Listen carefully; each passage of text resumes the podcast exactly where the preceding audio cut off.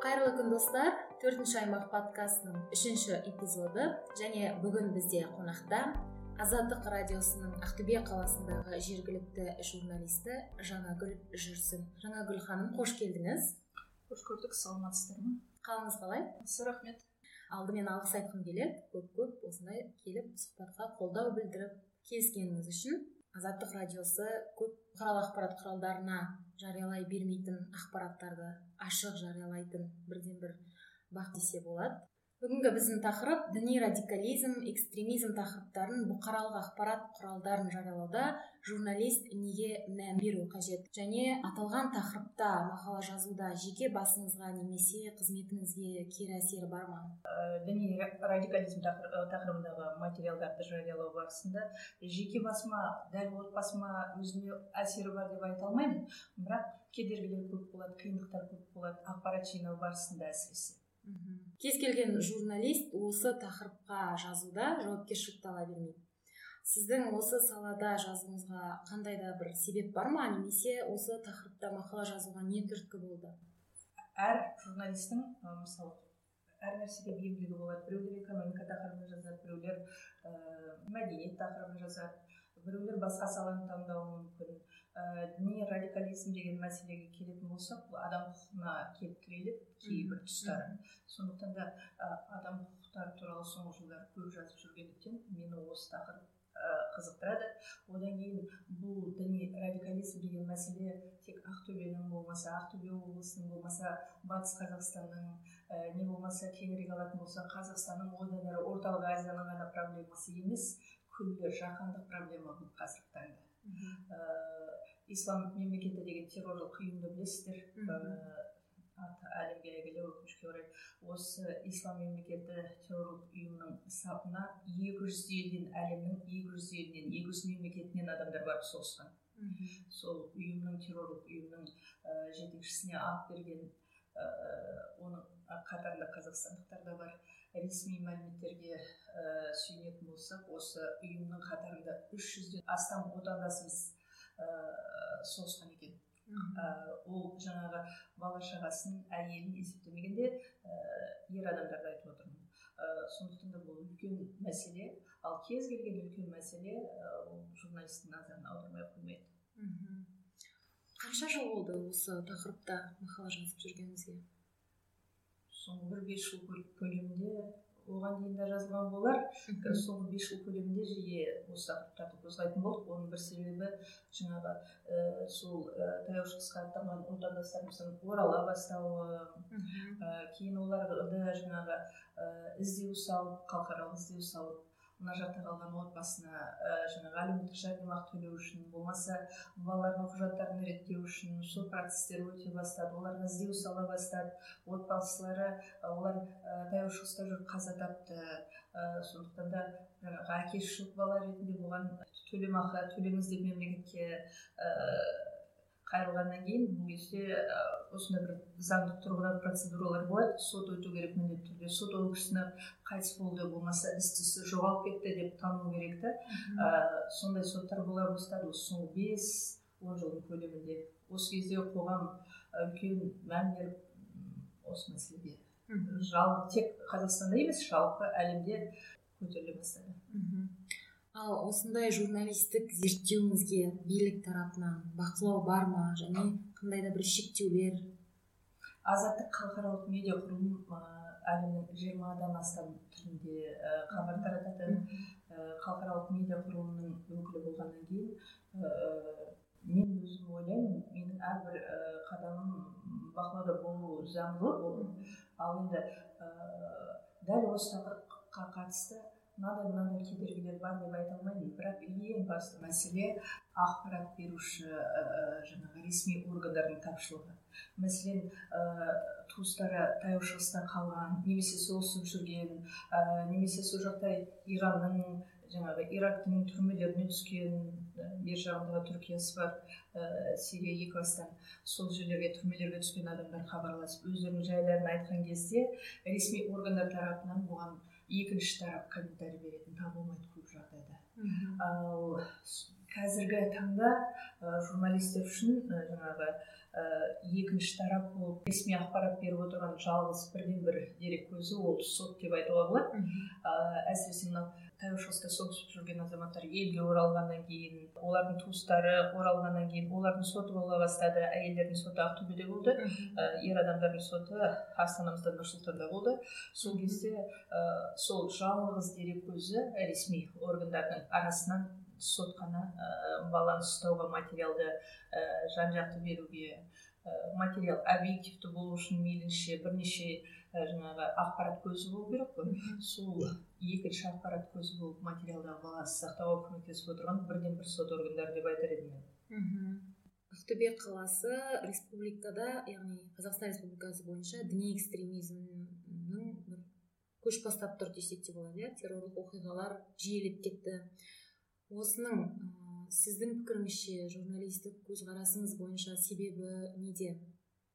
Әртүрлі пікірлер айтылады. Осы мен ә, журналистпін теолог емеспін болмаса әлеуметтанушы емеспін философ емеспін.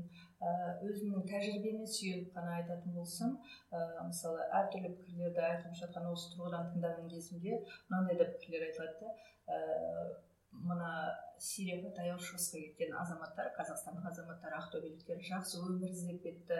Оларға қапшы қапшық ақша ұсынғандықтан кетті деп. Мен бұнымен журналист ретінде келіспеймін. Өйткені ә, менің тәжірибемде болды ә, шетелден оқу орнын бітіріп келген ірі ірі мұнай компанияларында инженерлік қызмет атқарып жүрген жалақысы тәуір ә, тұрмысы тәуір бала шағасы бар жағдайлары материалдық жағдайлары өте жақсы азаматтардың соның бәрін тәрк етіп соғыс болып жатқан жерге кеткендігі иә. Енді бұл мәселенің мана айтып өттім ғой бұл жаһандық проблема деп иә. Әлемнің екі жүзден астам мемлекет ислам мемлекет террористік ұйымының құрамында соғысқан оның ішінде қазақстан да бар деп.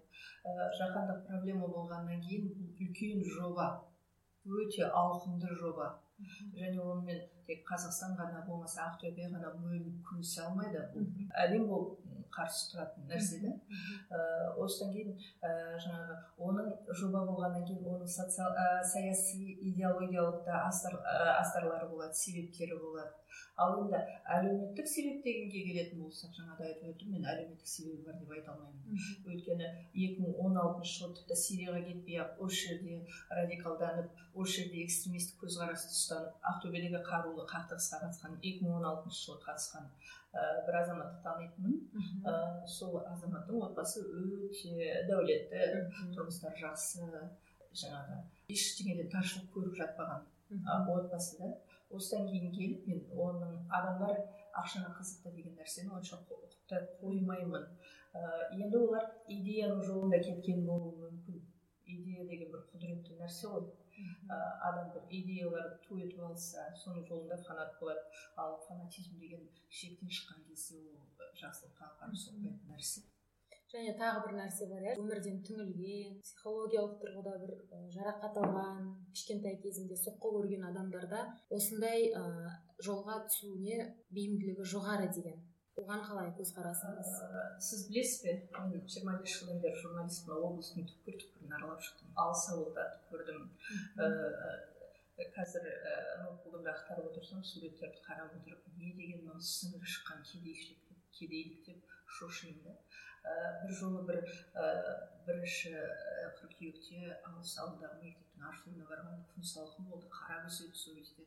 Сонда жаңағы бірінші сентябрьге алаш қоңырауға бала аяғына ә, шешесі қолдан тоқып берген болса керек жүн шұлық киіп кәдімгі қолдан тоқылған сыртынан анау резинка тәпішке болады ғой қытайдың қытайда шығарылған ә, резинка тәпішкелер қызыл жасыл сары көк мен сол тәпішкені ауылдағы сіңірі шыққан кедейліктің символы сияқты елестейді да сол тәпішкені көрсем түнде шашым тік тұрады әсіресе оны неге сатып алады ауылдың адамдары оның жаңағы өміршеңдігі үшін оның ескірмейтіндігі үшін жыртылмайтындығы үшін төзімділігі үшін жаңағы бала соны сыртынан киіп алыпты да жүрегіңді ретпейді емес дір ететін былай қарасаңыз картинка ондай картинкаларды мыңдап еске түсіп мыңдап айта беруге болады иә кезек кезегімен ал енді осы сіңірі шыққан ауылдың адамдарының бәрі сондай әлеуметтік қиындық көрсе ыыы жаңағы жоқшылық көрсе ішерге ас киерге киім таппаса сирияға кету керек емес қой ауылдың сексен пайызы кедей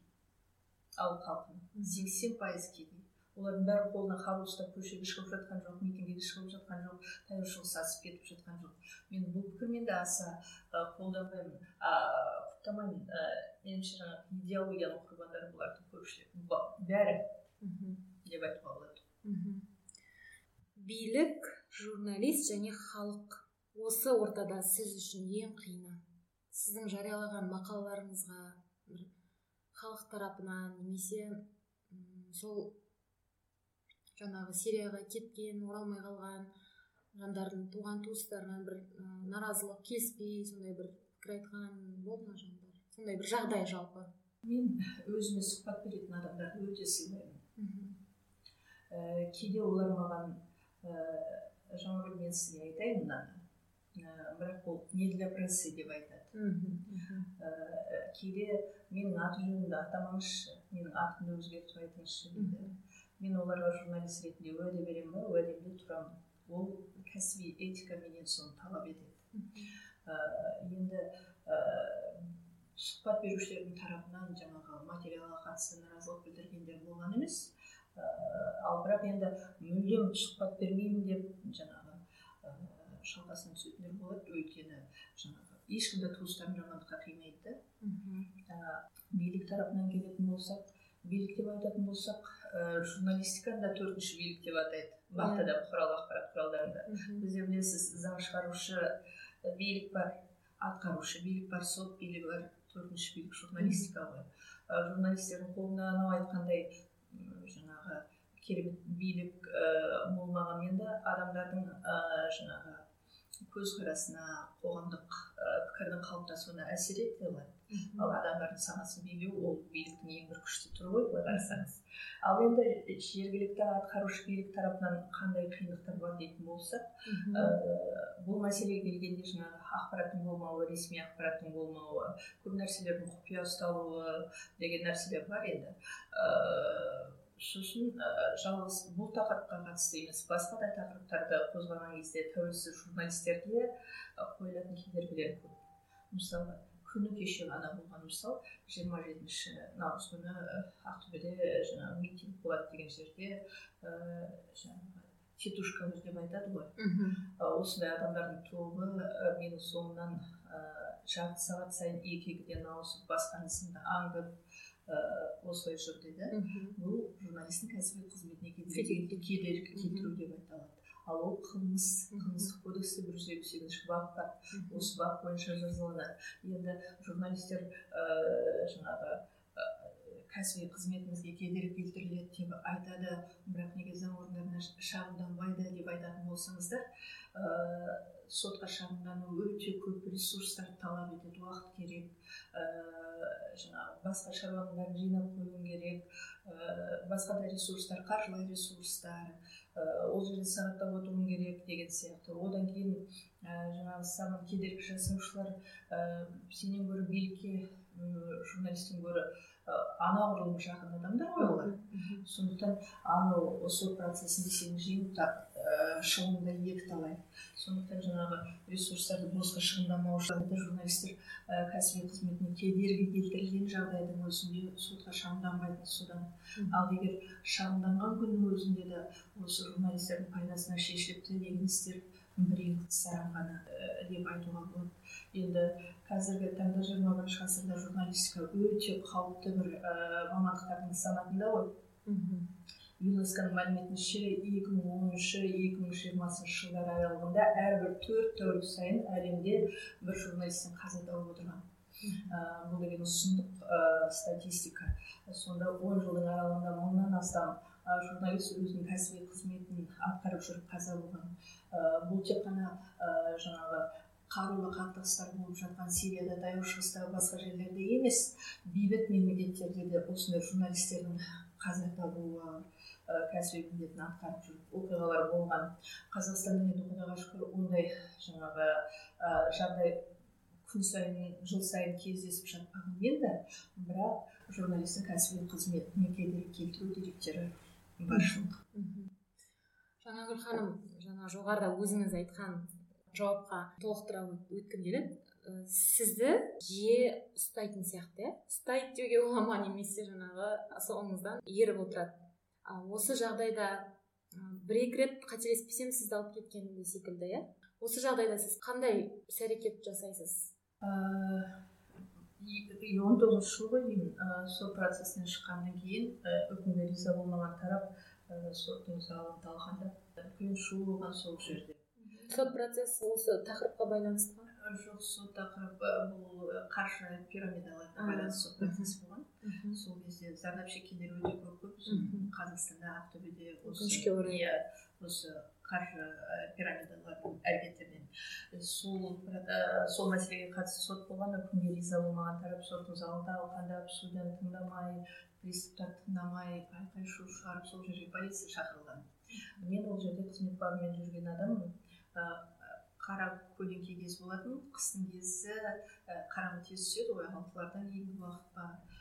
Сол кезде мені жаңағы журналистпін дегеніме қарамай куәлігіме қарамай қолымдағы камераға қарамай мені тиеп завод полиция бөліміне алып кеткен еді. Ол жерге барғаннан кейін мен ә, жаңағы кезекші әрбір полиция учаскесінде кезекші прокурор деген болады кезекші прокурорларды шақырып мен журналистпін міне жаңағы куәлігім мен қызмет бабында жүрген адаммын деп түсіндіріп айтқаннан кейін біраз уақыт ұстап содан кейін жіберген болатын олардың әрекеті заңсыз ол жерде оны прокурор түсінбейді емес түсініп тұр полиция әртүрлі сылтау айтуы мүмкін қараңғы болды көрмедік адам көп болды тиіп алдық деген сияқты тіпті үстіңе жилетка киіп пресса деген жазу бар қолыңа куәлігін ұстап жүргеннің өзі де полиция өлтіріп байқамағансып ә, сен түйіп кетуі мүмкін қағып кетуі мүмкін болмаса жаңағы аяғым тайып кетті деп дардай офицерлердің өзі сені қағып жіберуі мүмкін.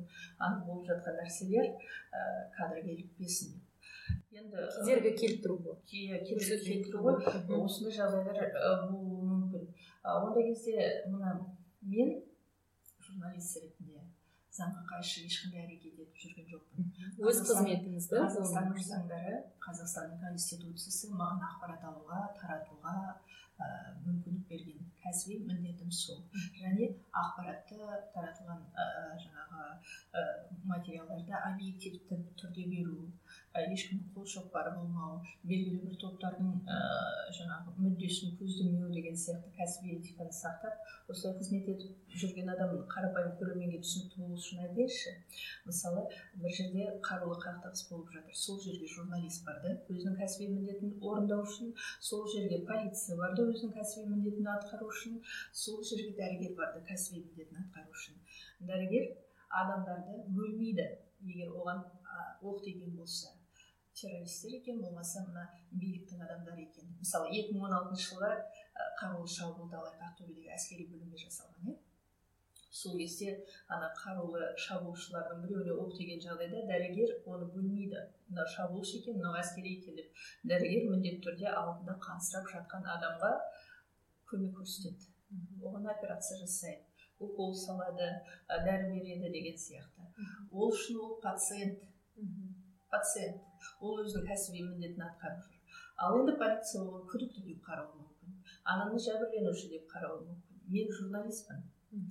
Маған да бұл бұны террористерді қолдау жаңағы шабуылшыларды қолдау радикалдарды қолдау деп түсінбеген жөн ә, өйткені мен терроризм. Не екенін жақсы білетін адаммын адамзатқа қарсы жасалған үлкен қылмыс.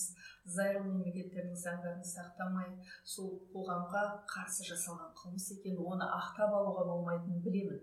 Бірақ мынау террорист деген нәрсені мен айтуым керек емес полиция айтуы емес дәрігер айту керек емес сот сот болады ғой тергеліп сот болғаннан кейін сот айтатын нәрсе сондықтан да мен тараптарды ә, жан жақты ә, барлығын түгендеп ақпарат беру кәсіби міндетім ал енді полиция сол жерге келген дәрігерді сен террористті емдедің деп болмаса шабуылшыны емдедің деп болмаса қылмыскерді емдедің деп ана жерге кіргізбей қойып ә, жаңағы адамды бермей қоймайды ғой ол гиппократқа ант берген. Ол өзінің кәсіби міндетін атқарып жүр менің де жағдайым тап солай.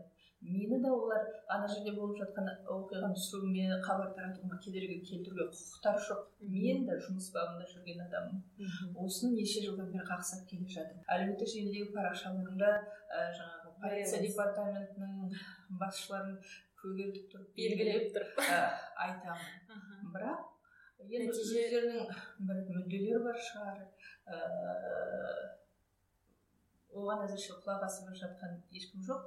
Әр жол кедергі келтірудің әртүрлі методтарын табады. Енді мен журналистпін кәсіби міндетімді атқарып жүрмін. Басқа заңға қайшы ешқандай әрекет етіп жүрген жоқпын. Ал енді журналистің оның ішінде тәуелсіз журналистің кішкене ыңғайсыздау неудобный болуы заңды нәрсе шығар деп ойлаймын. Енді жұрттың бәріне ыңғайлы еткісі келсе құдай мен журналист емес диван қылып жаратар еді да журналист болғаннан кейін мен кәсіби міндетімді атқарып жүрмін. Көп рахмет және негізгі біздің сұрағымыз бұқаралық ақпарат құралдарына күрделі тақырыпта мақала жариялауда журналист не нәрсеге көңіл бөлуі қажет яғни не нәрсеге абай болуы керек? Жас журналистерге айтарыңыз өзіңіздің тәжірибеңізден күрделі тақырып дегеніміз жаңағы айтқан діни экстремизм радикализм. Дін тақырыбы өте нәзік тақырып. Ондай тақырыптарға бару үшін ондай тақырыптағы материалдарды жазу үшін онда оқырманның ойынан шығатындай ету үшін тәжірибе керек іздену керек. Онсыз болмайды. Ә, мысалы сіз өзіңіз тәжірибесіз тәжірибеңіздің аздығынан ә, кәсіби біліміңіздің аздығынан автоматты түрде жаңағы терроризм идеяларын ә, жалпыға жариялаушы насихаттаушыға үгіттеушіге болып жаңағы террористердің болмаса экстремистердің болмаса радикалдардың қолшоқпарына айналып кетуіңіз мүмкін. Ә, солардың одақтасына айналып кетуіңіз мүмкін насихат құралына айналып кетуіңіз мүмкін. Егер сіз ізденбесеңіз ә, тәжірибеңіз жоқ болса. Одан кейін кәсіби этика деген нәрсе бар. Ә, ол кей жағдайда тіпті мен соны жаңағы заң құран деген нәрселермен тең көремін тең қоямын. Мысалы кодексте жазылған шектеулер бар. Заңның аясында әрекет ету деген нәрсе бар иә? Одан кейін адамның мына ішіндегі ұяты ары деген нәрсе бар қоғамның алдындағы жауапкершілігі деген нәрсе бар. Ыыы жаңағы журналист екенмін деп қолым барғанша жазып аузым барғанша айту деген нәрсені бұл сөз бостандығына шектеу қою деп түсінбеу керек бұны бұл басқа мәселе. Менің айтып отырғаным этика мәселесі. Әдеп. Әдеп кәсіби әдепті сақтау керек. Осы тұрғыда адамдардың тағдыры бар адамдардың эмоциялары бар. Саған сенім артатын тұстары болады. Мысалы мана әңгіменің барысында айтып өттім ғой. Мен сізге осындай тағдырымды баяндап берейінші. Менің ағам сирияда жүреді. Ол жаңағы ойынан айныды ә, қателескенін түсінді. Қазір сирияның түрмесінде жатыр. Осы ойын біліп қойғаннан кейін жаңағы ислам мемлекеті террористік ұйымының содырлары оны түрмеге қамап тастапты деген сияқты әңгімелерін келіп саған сеніп айтқан адамды жаңағы сенсацияның жолында соны қуып жүріп оның барлық құпиясын әшкере ету аты жөнін әшкере ету суретін сеніп айтқан басқа да заттарын жалпыға жариялау деген кәсіби этикаға сыймайтын нәрсе. Мысалы осындай тағдырын келіп айтқан бір қыз болды маған. Ол қызды мен көшеде кездестіргенімде аңыз қалай? Хабар бар ма? деп сұрағанымда ағамды жаңағы содырлар террористік ұйымның мүшелері жазалапты басын шауып алыпты. Жеңгем осылай деп хабарласты ә, шешем ауру шешем әлі күнге дейін оны күтеді оның жүрегі әлсіз болғаннан кейін мен оған ол жайтты айтқан жоқпын сол ағамның рухына әр жұма сайын тығылып барып мешіттерге барып құран бағыштаймын дейді қараңызшы бір ғана семьяның трагедиясы сияқты болып көрінеді шын мәнінде бұл жаңағы жаһандық проблеманың адамзатқа сыйлаған қасіреті сыйлаған деп тырнақшаның ішінде айтуға болады. Ыыы қасіреті бір отбасының трагедия қандай трагедия? Ағасын жаңағы ыыы жоқтай да алмайды. Оның өлдір, өлгенін шешесіне естірте де алмайды жүрегі әлсіз болғаннан кейін. Ешкімге айта алмайды. Рухына құранды жұма сайын тығылып барып мешітте оқиды. Мұндай тағдырлар мұндай отбасылар осы ислам мемлекеті салған ылаңның кесірінен әлемнің түкпір түкпірінде бар.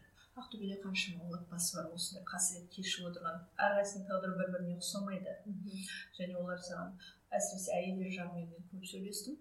Осы соғыстың ошағынан келген сонда жаңағы кәсіби этика деп мана айтып өттім ғой бір мәселені.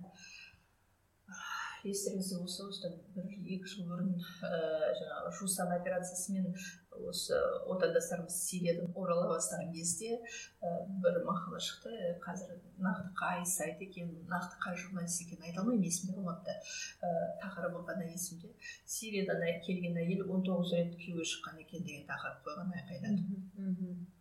Енді қараңызшы бұл этикаға жата ма? Жатпайды ғой. Жұрттың бәрі сирияға барған адамның бәрі он тоғыз рет күйеуге тию үшін бармайды ғой. Әрине соны жақында бір сол от пен оттың ортасынан оралған баласын бауырына қысып аман есен келген кейін кезінде күйеуіне еріп кетіп қалған әйел ғой жас қыз он сегіздегі. Сол қыз жылап отырып айтты маған әңгімесін. Мына сириядан оралғаннан кейін реабилитация өту барысында туыстары көршілері болмаса ер адамдардың арасында жаңағы оқып алды ғой интернет сайттан сирияға барғандардың бәрі он тоғыз рет күйеуге шығады дегенді сөйтіп ана әйелге қырындаған басқа жаман әрекеттер жасамақ болған жаңағы астарлап сөйлеген тиіскен жағдайлар болған да сонда ана әйел айтады да неге өйтеді сіздің әріптестеріңіз деп сұрайды мен мен жауап бере алмадым мен айттым мен тек өзім үшін жауап берейін рұқсат етсеңіз мен басқа ешкім үшін жауап бере алмаймын деп айттым. Бұл жаңағы мейлі ол ә, журналист деген біреуді тәрбиелеуші емес ә, журналист деген үкім шығарушы емес сот та емес прокурор да емес тіпті алдыңда отбасының талқаны шығарған жаңағы тиран отырса да ә, болмаса кісі өлтірген адам отырса да сенің мақсатың тәрбиелеу емес оны. Сенің мақсатың одан ақпарат алу және оны қаз қалпында оқырманға көрерменге жеткізу. Ал енді ешқандай қоспасыз. Иә объективті түрде ыыы журналистика жаңағы төртінші билік екенмін деп ыыы барлық жерге кірісе беретін жағдайлар да болады кейде. Ақыл айтып қапшық қапшық эфирден болмаса интернет сайттарынан газет бетінен жол нұсқап адамдар сенің міндетің ол емес сенің міндетің ақпарат алу және оны тарату. Және оны бұрмаламай тарату. Оқырманның алдында жүзің ақ болу керек та енді жусан операциясы деген тақырып жаңа айтылды иә жоғарыда. Осы кісілермен сізде бола ма сондай сұхбат алатын тілдесетін? Иә бірнеше мақалам жариялады азаттыққа. Менің сауалым яғни осы кісілерден сұхбат алу барысында ол кісілерге мемлекет тарапынан жасалып жатқан жағдайлар психологиялық тұрғыда қолдаулар?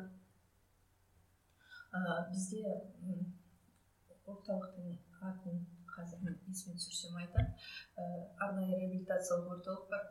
Ә, сирияға кеткен ер адамдар жаңағы ислам мемлекеттік террористік ә, ислам мемлекеттік террористік ұйымына ант бергеннен кейін қолдарына қару ұстап әскери жаттығудан өтіп олар соғыс қимылдарына қатысқан ғой. Сондықтан олар заң алдында жазаларын алып түрмелерде жазаларын өтеп жатыр ал енді әйелдер күйеулеріне ілесіп кете барған оралған ә, олардың ә, жаңағы адасқаны болмаса нақты құқықтық жаңағы бір құқық бұзушылықтар жоқ та заң бұзған адамдар емес ә, заң бұзған әйелдер де болды бірнешеуі сотталды ақтөбеге келгеннен кейін олар кезінде ә, жаңағы сирияда жүріп осы жақтағы туыстарына үгіт насихат жасап ә, видеолар жіберіп насихат жасаған жаңағы террористік ұйымның ә, нелерін идеяларын насихаттаған сол үшін олар жазаларын алды. Ал енді қарапайым ә, күйеуінің соңына ілесіп барып баласын бауырына ә, қысып жүрген әйелдерді ә, қоғам қоғамның олардан үміт үзбегені теріс айналмағаны оларды керісінше оңалтып ә, психологиялық тұрғыдан материалдық тұрғыдан қолдау көрсеткені ә, және оларға қаржы бөлініп ә, анау алып келген кезеңнен бастап оларды бір ай ақтауда ұстап одан кейін өздерінің өңірлеріне туған жерлеріне бөліп сол жерде арнайы орталықтар ашып кәсіби мамандар жұмыс істеп олармен ұзақ уақыт айналысты балаларды жаңа оқу жылына дайындады ә, көп жұмыс жасалды бұл көзге көрінбеуі мүмкін.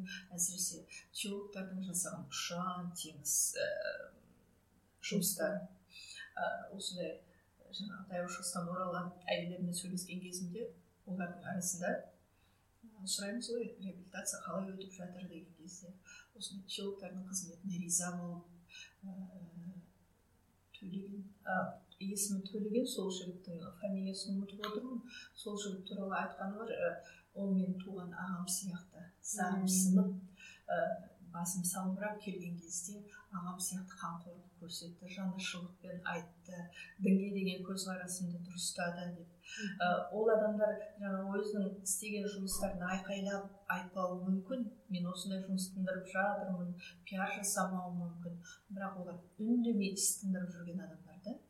Да андай от пен оттың ортасынан келіп жүйкесіне ол әсер етпей қоймайды адамның ә, болмысына әсер етпей қоймайды психологиясына әсер етпей қоймайды.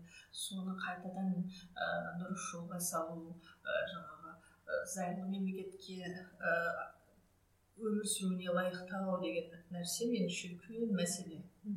Сауапты іс ә, осындай іс атқарған азаматтар көп. Баршылық өте көп. Сонда ана қыз сириядан оралған көзін көзін көлдетіп отырып ә, шын жүрегімен айтты. Осындай азамат бар. Сол кісіге ризамын ау кейде бір ә, шаруа келіспей шалқайып жатқан кездері ә, қанатына демеп жібереді сөз айтып қайрап жібереді. Мен ондайды көрмедім. Мына қоғам бізді қалай қарсы алады деген күмәнмен күдікпен келген адамдар ғой аналар құшақ жайған кезде оны күтпеген.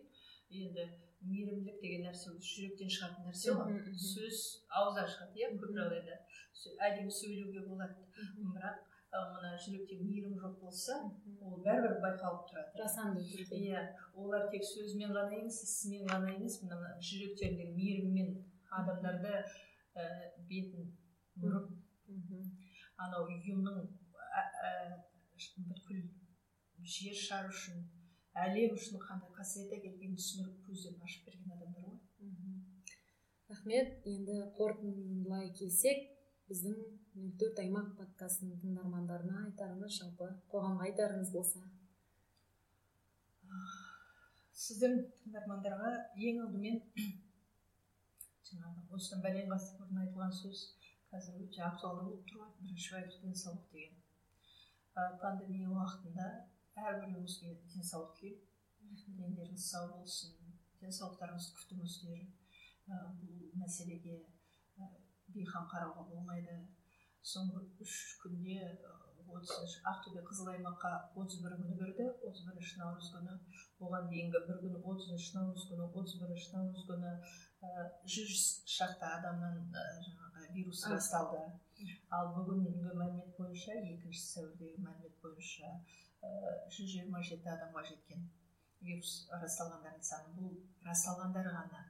Сондықтан да бұл бүткіл тағы да жаңағы әлемнің жаһанның проблемасына айналып отырған проблема. Сондықтан да денсаулықтарыңызды күтіңіздер бейқам қарамаңыздар. Құнарлы ас ішіп жүйкелеріңізді сақтап ұйқыларыңызды қандырып ұсақ түйек нәрселерге жаңағы нерв талшықтарыңызды өлтірмей кәсіби жаңағы өз әркім өзінің кәсібі болады ғой сол кәсіптеріңізде береке тауып тыныштықта өмір сүрейік. бейбіт өмірде. Бейбіт өмірде. Қоғамымыз дамысын әмин рахмет. Жаңагүл ханым барлығын қайтарып алуға тек уақыт қайтып келмейді дейді. Сіздің алтын уақытыңызды бөліп келгеніңізге тағы да үлкен үлкен алғысымды білдіремін. Ақтөбедегі ең мықты журналистер ретінде сізді білеміз. Қуаныштымыз. Көп көп рахмет. Комплиментіңізге рахмет. Мен өзімді мықты журналист деп санамайды екенмін. тоқсан жаңағы білетін бір тоғыз тоқсан тоғыз. Сондықтан да сіздерге де табыс тілеймін. Рахмет.